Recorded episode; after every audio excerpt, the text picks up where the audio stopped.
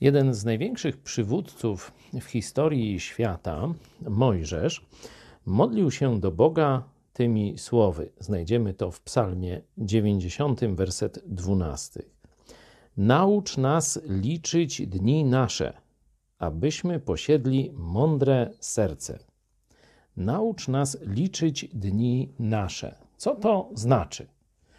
Większość ludzi myśli, że tu na Ziemi żyjemy wiecznie, czyli że ich obecne życie, nasze obecne życie nigdy się nie skończy, że będziemy mieć tyle samo sił, tak samą jasność umysłu, takie same możliwości.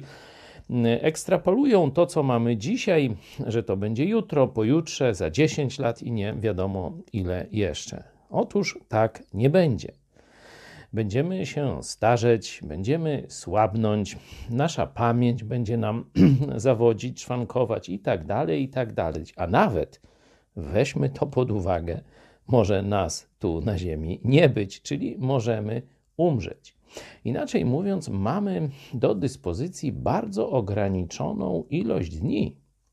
I teraz pytanie: na co te dni poświęcimy? Naucz nas liczyć czas, liczyć dni, abyśmy byli mądrzy. Apostoł Paweł w liście do Efezjan mówi do chrześcijan: Wykorzystujcie czas, bo dni są złe. Podobnie Jezus bardzo często apelował: Szukajcie wpierw królestwa Bożego i Jego sprawiedliwości, a reszta będzie wam dodana. Czy mówiąc do Marty, mówi: Marto, Marto, troszczysz się i zabiegasz o wiele rzeczy, a tak naprawdę niewiele potrzeba, tylko jednego. Zastanów się, proszę, czy to, w jaki sposób inwestujesz swój czas, świadczy o tym, że posiadłeś mądre serce i chcesz, krótszy lub dłuższy czas, który Bóg ci dał, zainwestować dla Jego królestwa. Dla Jego królestwa, nie swojego.